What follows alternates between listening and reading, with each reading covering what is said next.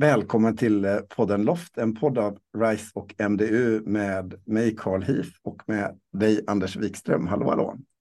Hallå, hallå! Hur står det till idag? Idag är det bra. Eh, vi eh, gör ju den här podden, du och jag, inom ramen för kommunledningspartnerskapet Loft, leda och organisera för förnyelse och transformation. Och för den som lyssnar in i detta för första gången så kan man läsa mer om partnerskapet på partnerskapetloft.se. Och hela den här poddserien handlar ju om att utforska och dela kunskap om att leda och organisera för förnyelse och transformation. Och vi har kommit till den fasen av att utforska ett innovationsledningssystem som handlar om planering. Och idag, Anders, så ska vi prata om detta med planering och mätbara resultat för innovation och innovationsledning. Ja, visst lät det lätt när du sa det så? Visst lät det jättelätt. Ja. Och för mig är det här Eh, det här är svårt tycker jag. Jag tycker det här är jätteklurigt. Och jag, eh, för, för, en av de sakerna som för mig liksom blir lite kluriga att navigera, det är ju detta med att vi inom innovationsledning och när vi pratar om att jobba med innovation så pratar vi om att vi jobbar med ett målsökande arbetssätt. Att eh, jämföra med när vi jobbar med inkrementell förbättring och med känd materia i i, i ett förbättringsarbete, då pratar vi, med mål, pratar vi om målstyrning. För vi har ju mätt och vägt och vi vet vad vi har gjort och då vet vi också, kan vi dra ett rakt streck och se att ja, okay, om vi förbättrar på de här tre sätten så kommer vi nå det här resultatet och så kan vi styra mot det målet. Men i det här fallet så hanterar vi ju mycket större osäkerheter för vi gör någonting vi aldrig har gjort förut och då ska vi målsöka. Och för mig då så får jag till att börja med lite svårt att få ihop Eh, det hela med mål, det målsökande perspektivet och att kunna ha, en, eh, ha väldefinierade mål helt enkelt. Hur, mm. hur, hur går det till? Mm. Ja, hur går det till egentligen? Eh, jag tänker att, eh, att det är viktigt hur man utformar och beskriver sina mål eh, så att man inte hamnar in i vad det är för någonting som vi ska uppnå, utan vad det är för någonting, vilket värde vi faktiskt vill, vill skapa. Och det är ju det är lite samma eh, sak, men ändå lite olika, tänker jag. Eh, så vi, vi, går tillbaka till den här eh, flodmetaforen med manövreringsutrymme och sånt. Så, så I förra eh, avsnittet så pratade vi om begreppet manöverutrymme och du har den här metaforen om en om en flod. Att ja, man... men precis. Och den är ju, det är ju inte jag som har hittat på den här. Den finns ju i flera olika tappningar och jag använder Andrew van der Weens eh, tappning här och förklarar hur innovationsarbete fungerar i organisationer. Eh, och det handlar, eh, som han beskriver då, väldigt mycket om att ge sig ut i floden och eh, ha då som ett mål att ta sig ner i floden helskinnad och, och på ett säkert sätt.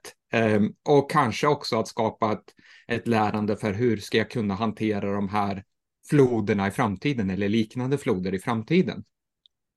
Inte att planera vilka, eh, vilka stopp jag ska göra på vägen och vilka stenar jag ska, eh, jag ska vila på och vilka stränder jag ska kunna eh, stränder jag ska kunna, kunna gå upp på, utan mer att, eh, att utforska och att se vad som händer under tiden jag faktiskt färdas ner för den här floden.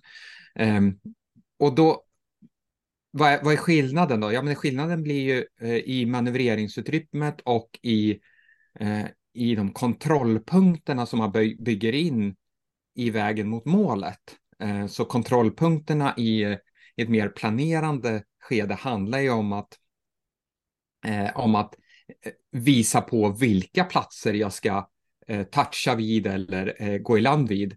Medan i Eh, i det mer målsökande arbetet så handlar det om att vi får se vilka hållplatser vi faktiskt har och vilka, eh, vilka eh, stenar och, och, stränder som vi faktiskt anger till beroende på vart floden faktiskt för oss och hur vi faktiskt kan navigera i den och manövrera i den. Vart den, vart det ja, någon så, så, liksom, så jag tänker att mål, att ha ett liksom, konkret mål i det här fallet, det handlar inte, om jag förstår saken rätt, liksom, om att sätta målen i relation till hur processen går till eller eh, staka ut den exakta målstrukturen från A till B till C till D, utan att jag har det här eh, målet som är längre bort, eh, som är tydligt i vad jag vill uppnå för ett värde, men inte kanske mm. tydligt i exakt hur det ser ut som gör att värdet uppstår. Utan att mm. själva, jag vet att jag vill göra någonting på ett nytt sätt som jag aldrig har gjort förut, men exakt hur det där ska vara utformat, ja, det vet jag inte. Så jag låter Nej. det vara öppet, men att värdeskapandet, det ska kunna finnas där någonstans. Och att jag kan vara väldigt tydlig i det värde jag vill, jag vill ha där i slutändan, någonstans. Mm. Mm. Mm. För mig så hänger det här lite grann ihop med eh, ett annat sätt att tänka om vi ska prata om ramverk kring mål och hur man hanterar mål. och, Eh, det finns ju en organisationspsykolog som heter Dave Snowden som eh, eh, tagit fram ett eh, ramverk för att beskriva olika typer av angreppssätt för hur man hanterar system eller organisation eh, som kallas för Kinevin-ramverket. Eh, och vad Dave Snowden har landat i det här ramverket är att han delar in det, och nu gör jag lite våld på eh, det hela för att förklara på ett snabbt sätt, men han pratar att det om i grunden finns fyra dimensioner i det här ramverket. Det finns enkla system, det finns komplicerade system, det finns komplexa system och det finns kaotiska system.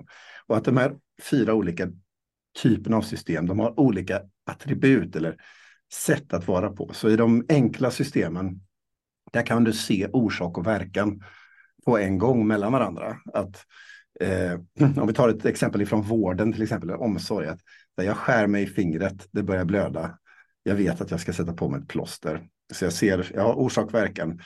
Systemet, det finns rakt framför ögonen på mig. Och det är enkelt i den meningen att jag, liksom, jag kan hantera det på egen hand. Och går jag till eh, akuten med mitt eh, eh, lilla fingersår så kommer de skicka hem mig för att vi har en idé om att enkla system i den här kontexten, de hanterar vi på egen hand, för det, det ska vi kunna göra. Sen har vi... Så, må, så måls, ja. målstyrningen där blir liksom sätt plåster på såret? Ja, men precis. Där blir målet mm. mål, mål, mål, väldigt enkelt. Liksom. Oj, det mm. blöder, plåster på fingret. Kanske badda mm. lite. Sen har vi då det komplicerade eh, systemet. I, om vi tar ett, och det, där är det ett system som har väldigt många beståndsdelar. Eh, som är så pass stort och omfångsrikt att jag med blotta ögat inte kan se alla eh, dimensioner av det här systemet. Det är komplicerat. Men systemet är organiserat på ett sådant sätt att det har en förutsägbar rytm eller logik eller struktur och genererar ett hyggligt likvärdigt utfall vid varje enskild gång som systemet eh, drift, driftsätts eller så. Så ett exempel på ett sådant system det är ja, men en dator till exempel. Eller en byggprocess eh, av eh, enklare slag. Eller eh, om vi går tillbaka till de här omsorgsexemplen, eller vårdexemplen, det är om jag bryter benet till exempel och så hamnar jag på sjukhuset.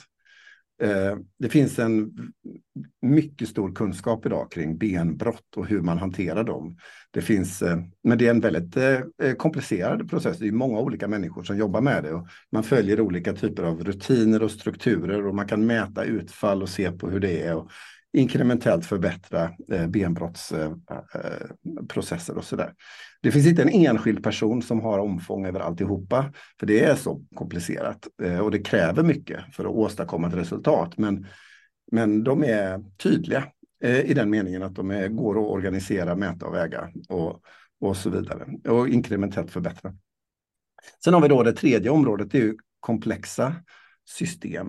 Eh, och ett komplext system skiljer sig åt ifrån det komplicerade systemet så tillvida att det har ännu flera beståndsdelar och det är ännu mer mångfacetterat.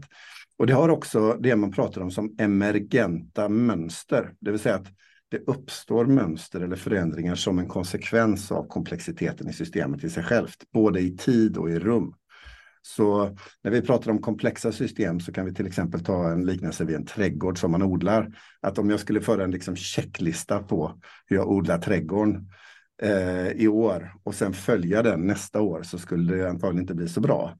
Utan jag behöver ha den här hantverkskänslan, att kunna odla och veta att beroende på vind och väder och alla möjliga förutsättningar så behöver jag anpassa mig hela tiden och, och så vidare.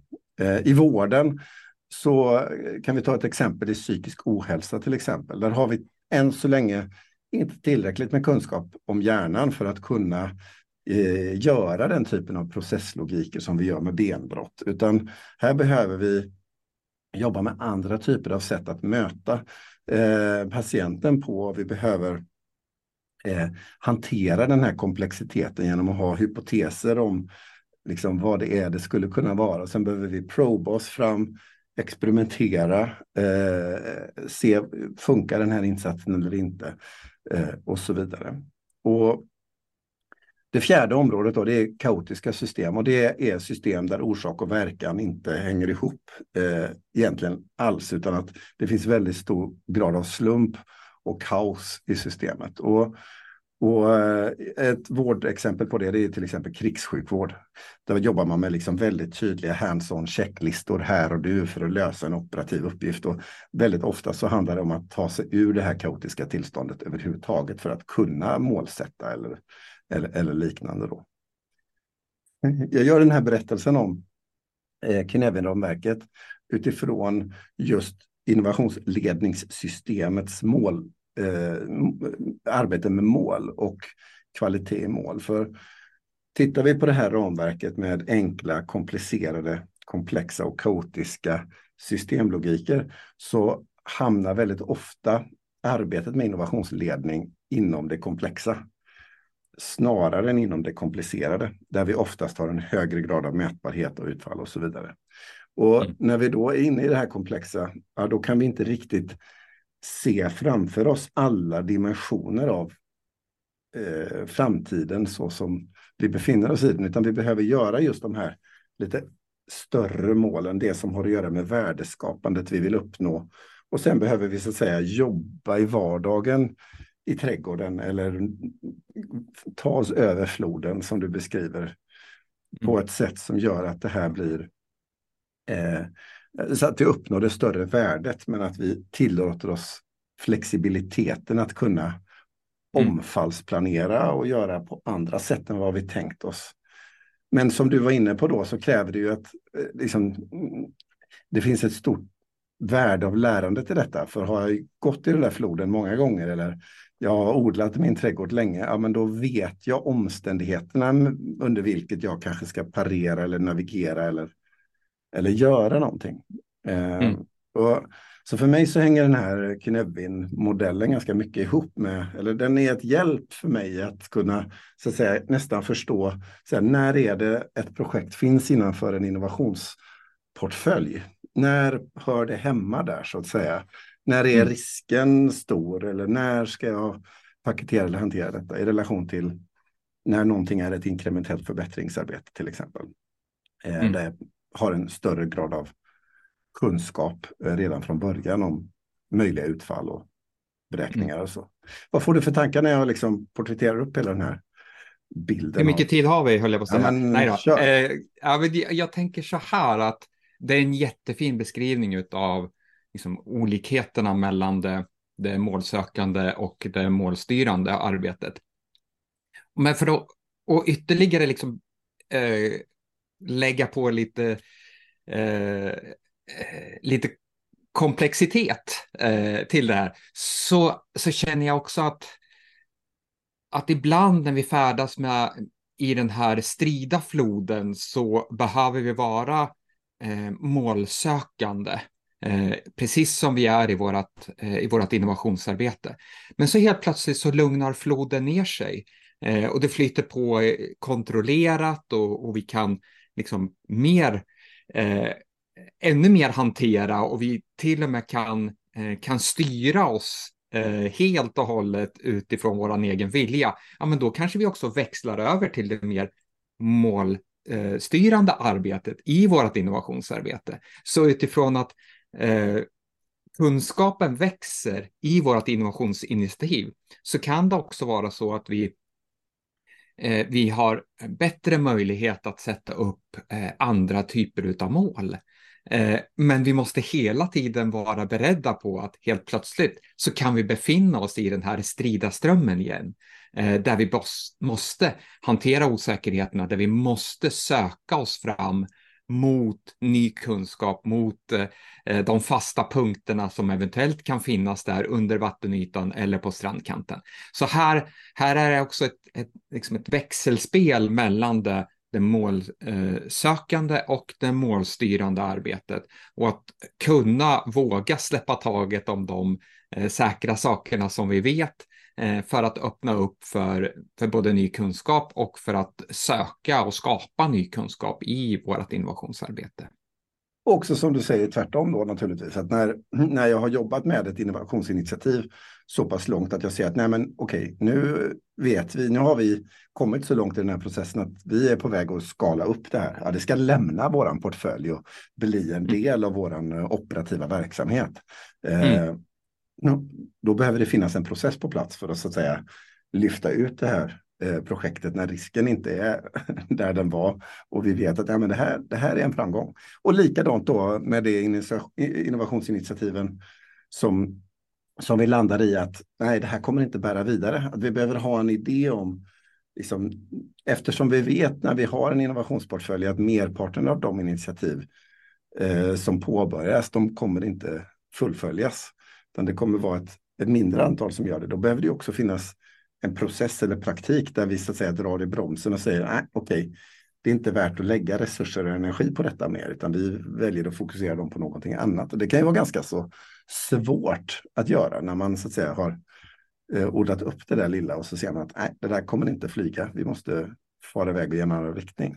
Och att, att en del av det här planeringsarbetet som vi nu pratar om, när det kommer till mål det är ju att se att när vi inte uppnår målen och vi inte heller kan kursändra, ja, då kanske det är dags att, att, att dra ett streck i det. Ja, precis. Och då handlar det om att planera för lärandet. Då. Eh, hur tar vi vidare de kunskaperna som vi faktiskt har utvecklat i de initiativen som vi väljer att inte gå vidare med? Mm. Eh, så, så det är ju en del av planeringen också som vi mm. behöver hantera. Och, och tycker du är inne på någonting bra där att eh, nio av tio initiativ ska inte gå i mål. För då har vi kanske inte spänt bågen tillräckligt hårt och vi kanske inte riktigt har gett oss ut på den här utforskande resan på ett, eh, på ett eh, tillräckligt eh, kan man säga, spännande sätt eller på, på tillräckligt utmanande sätt eh, i or för organisationen. Eh, och den andra delen som, som jag tycker att du är inne på här nu eh, handlar om att eh, eh, bara för att vi, vi arbetar med, eh, med planering så innebär ju inte det att vi kan, eh, att vi kan släppa på, på hand, eh, att, alltså att vi hela tiden måste ha, ha närhet till handbromsen för att dra i, i bromsen. Eh, utan vi måste också eh, liksom våga ta det hela vägen ut också. Och då blir det så här att när vi jobbar med, med de senare faserna i innovationsprocessen och planera för dem så måste vi också komma ihåg att planera in för implementeringen. Mm. Det vill säga involvera de människorna som, ska, som den här innovationen faktiskt ska landa hos. Mm. För att då skapar vi en mycket snabbare eh, uppväxling av det när det här liksom ska landa ner i den operativa delen i organisationen. Så här handlar det ju liksom om att planera både för, eh, för utvecklingen av själva produkten och för implementeringen av eller produkten av innovationen och för, eh, för implementeringen av den. Och då får vi liksom en snabb eh, växling över till det operativa också. Jag tänker en av de sakerna jag fastnade för här i det du beskriver, det är ju också det här eh, att planera för att ta om hand misslyckandet, alltså eller mm, initiativet som inte går hela vägen. Inom, inom det som heter eh, liksom, agil eh, utveckling eller det finns ju mängder av olika buzzwords för hur man jobbar med eh, saker och ting som inte följer en klassisk Vattenfalls projektmodell utan jobbar med lite, eh, lite mera eh, mjuka arbetsformer eller förändliga arbetsformer och sånt. Så i den praktiken så finns det också ofta någonting som kallas för retrospektiv. Eh, det är en, ett planerat mötestillfälle där man efter att man har gjort någonting gör en återblick som just syftar till att omhänderta alla lärande insikter som vi har varit igenom så att vi kan ha med oss dem in i ett nytt sammanhang. Och jag tycker den eh, arbetssättet av retrospektiv, att när vi är klara med någonting, eh, oavsett vi har valt att gå vidare med det eller om vi väljer att avbryta någonting, så har vi ändå åstadkommit ett värdeskapande.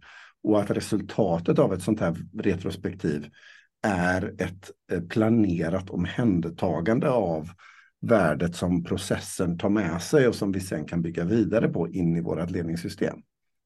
Ja, du menar alltså att när man, när man inte går hela vägen ut och vi kallar för missar att lyckas, då sopar vi inte det under mattan utan vi faktiskt lyfter upp det och säger att de här sakerna har vi lärt oss eh, kopplat till att vi faktiskt gjorde de här aktiviteterna. Um, mm, ja, det... inte, bara det att vi, inte bara det att vi tar upp dem och konstaterar dem utan att vi Nej. också är systematiska om dem och tittar på, ja. okej, okay, i det här projektet, i det här initiativet som vi gjorde nu, så gjorde vi på det här sättet. Det har vi gjort två mm. gånger innan och nu har vi gjort det tre gånger och vi vet att just det här, det, det verkar inte flyga. Okej, okay, men då kanske vi ska planera bort den processen i nästa projekt eller nästa initiativ så att vi eh, ser till att vårt kommande arbete som står framför oss, eh, det manöverutrymmet vi har där, ser vi till att mecka med på ett sådant sätt så att vi tar bort saker och ting där risken så att säga är 100 procent. Vi kommer inte ha framgång med det. Nej, då ska vi ta bort det.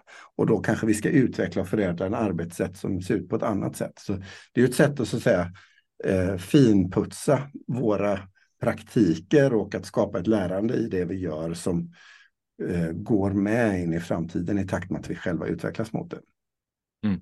Och då blir ju vikten av, när du sa det här, gå in i framtiden, då blir ju vikten av den här övergripande visionen och strategin för att faktiskt åstadkomma den förflyttning som vi har väldigt viktig utifrån att vi, vi både planerar in ehm, eh, motivationen hos medarbetarna och vi planerar in eh, eh, det slutgiltiga värdeskapande som vi vill åstadkomma eh, och att strategin också beskriver varför de här eh, sakerna är så viktiga, varför vi är på väg mot det här målet. Ja, eh, mm.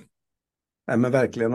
Och det gör ju också att eh, när man jobbar i de här processerna, oavsett om vi har ett utfall som går vidare i ett liksom, eh, utvecklingsarbete eller om vi väljer att avbryta ett eh, eh, initiativ så kommer det alltid finnas ett värdeskapande att föra med sig. Och jag tänker utifrån de som jobbar i de här projekten och verksamheterna och initiativen så finns det någonting väldigt värdefullt i det just utifrån ett motivationsperspektiv och utifrån ett eh, kulturperspektiv. För vi vet att vi tar om hand våra insikter alldeles oavsett hur det går och att det finns ett en del av vårt innovationsledningssystem handlar om att hantera den kunskapsmassan på ett liksom värdeskapande sätt helt enkelt. Mm. Mm. Jag tänker att vi kanske ska dra ett streck där för den här gången. Eh, mm. Målstyrning och innovationsledningssystem var på tapeten. Känns som vi har borrat i det från olika håll här under mm. en stund. Och vi kommer återkomma till de här begreppen i, i den här serien vad det lider också såklart. Men till nästa gång Anders så får du ha det så bra. Ja, men detsamma Karl. Hej! Hej!